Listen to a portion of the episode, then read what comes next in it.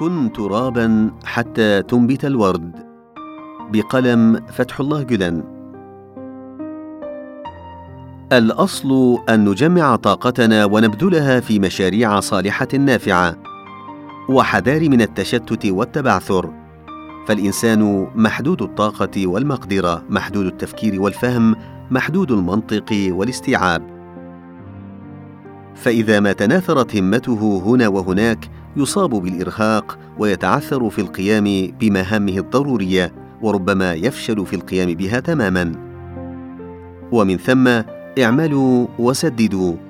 أعجب الناس بصنيعكم أم لا؟ رحبوا بكم أم عبسوا في وجوهكم؟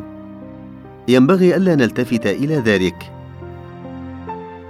لنكن ماء في الصحارى القاحلة ولنتدفق سلسبيلا كالأنهار. وإن عدها بعضهم سما وأعرض عن شربها لا نيأس. لنكن ترابا تحت الأقدام دائما. كن ترابا كن ترابا حتى تنبت الورد.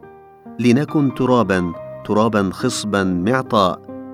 بعضهم قد يعد ذلك التراب قاحلا فيحجم عن نثر البذور.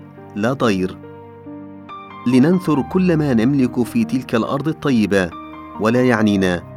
ارعاها من بعدنا أحد أم لا؟ لنكن غماما يشمل الناس بظلاله ثم يتقاطر غيثا منهمرا على رؤوسهم. ولا علينا أن ننشغل أقاموا سدودا للاستفادة من ذلك الغيث أم لم يقيموا؟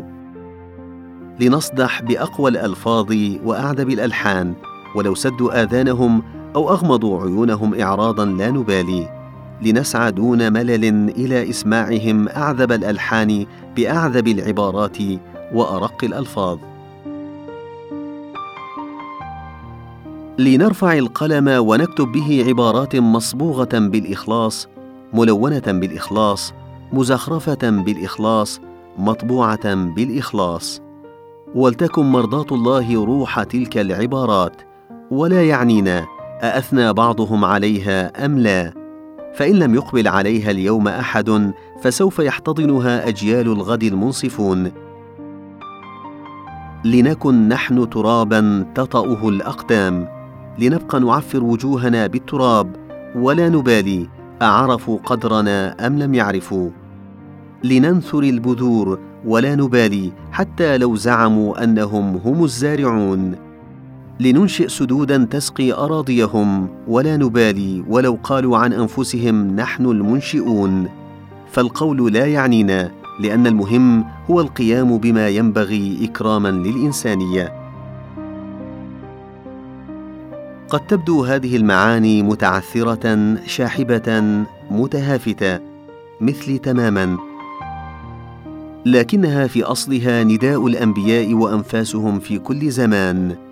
وما أسألكم عليه من أجر إن أجري إلا على رب العالمين.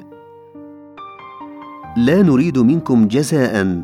فعلنا أنجزنا أقمنا قلنا مهدنا كنا ترابا بلغنا رسالة نشرنا الحق خدمنا الحقيقة. لا نريد منكم مقابل ذلك ولو مثقال ذرة.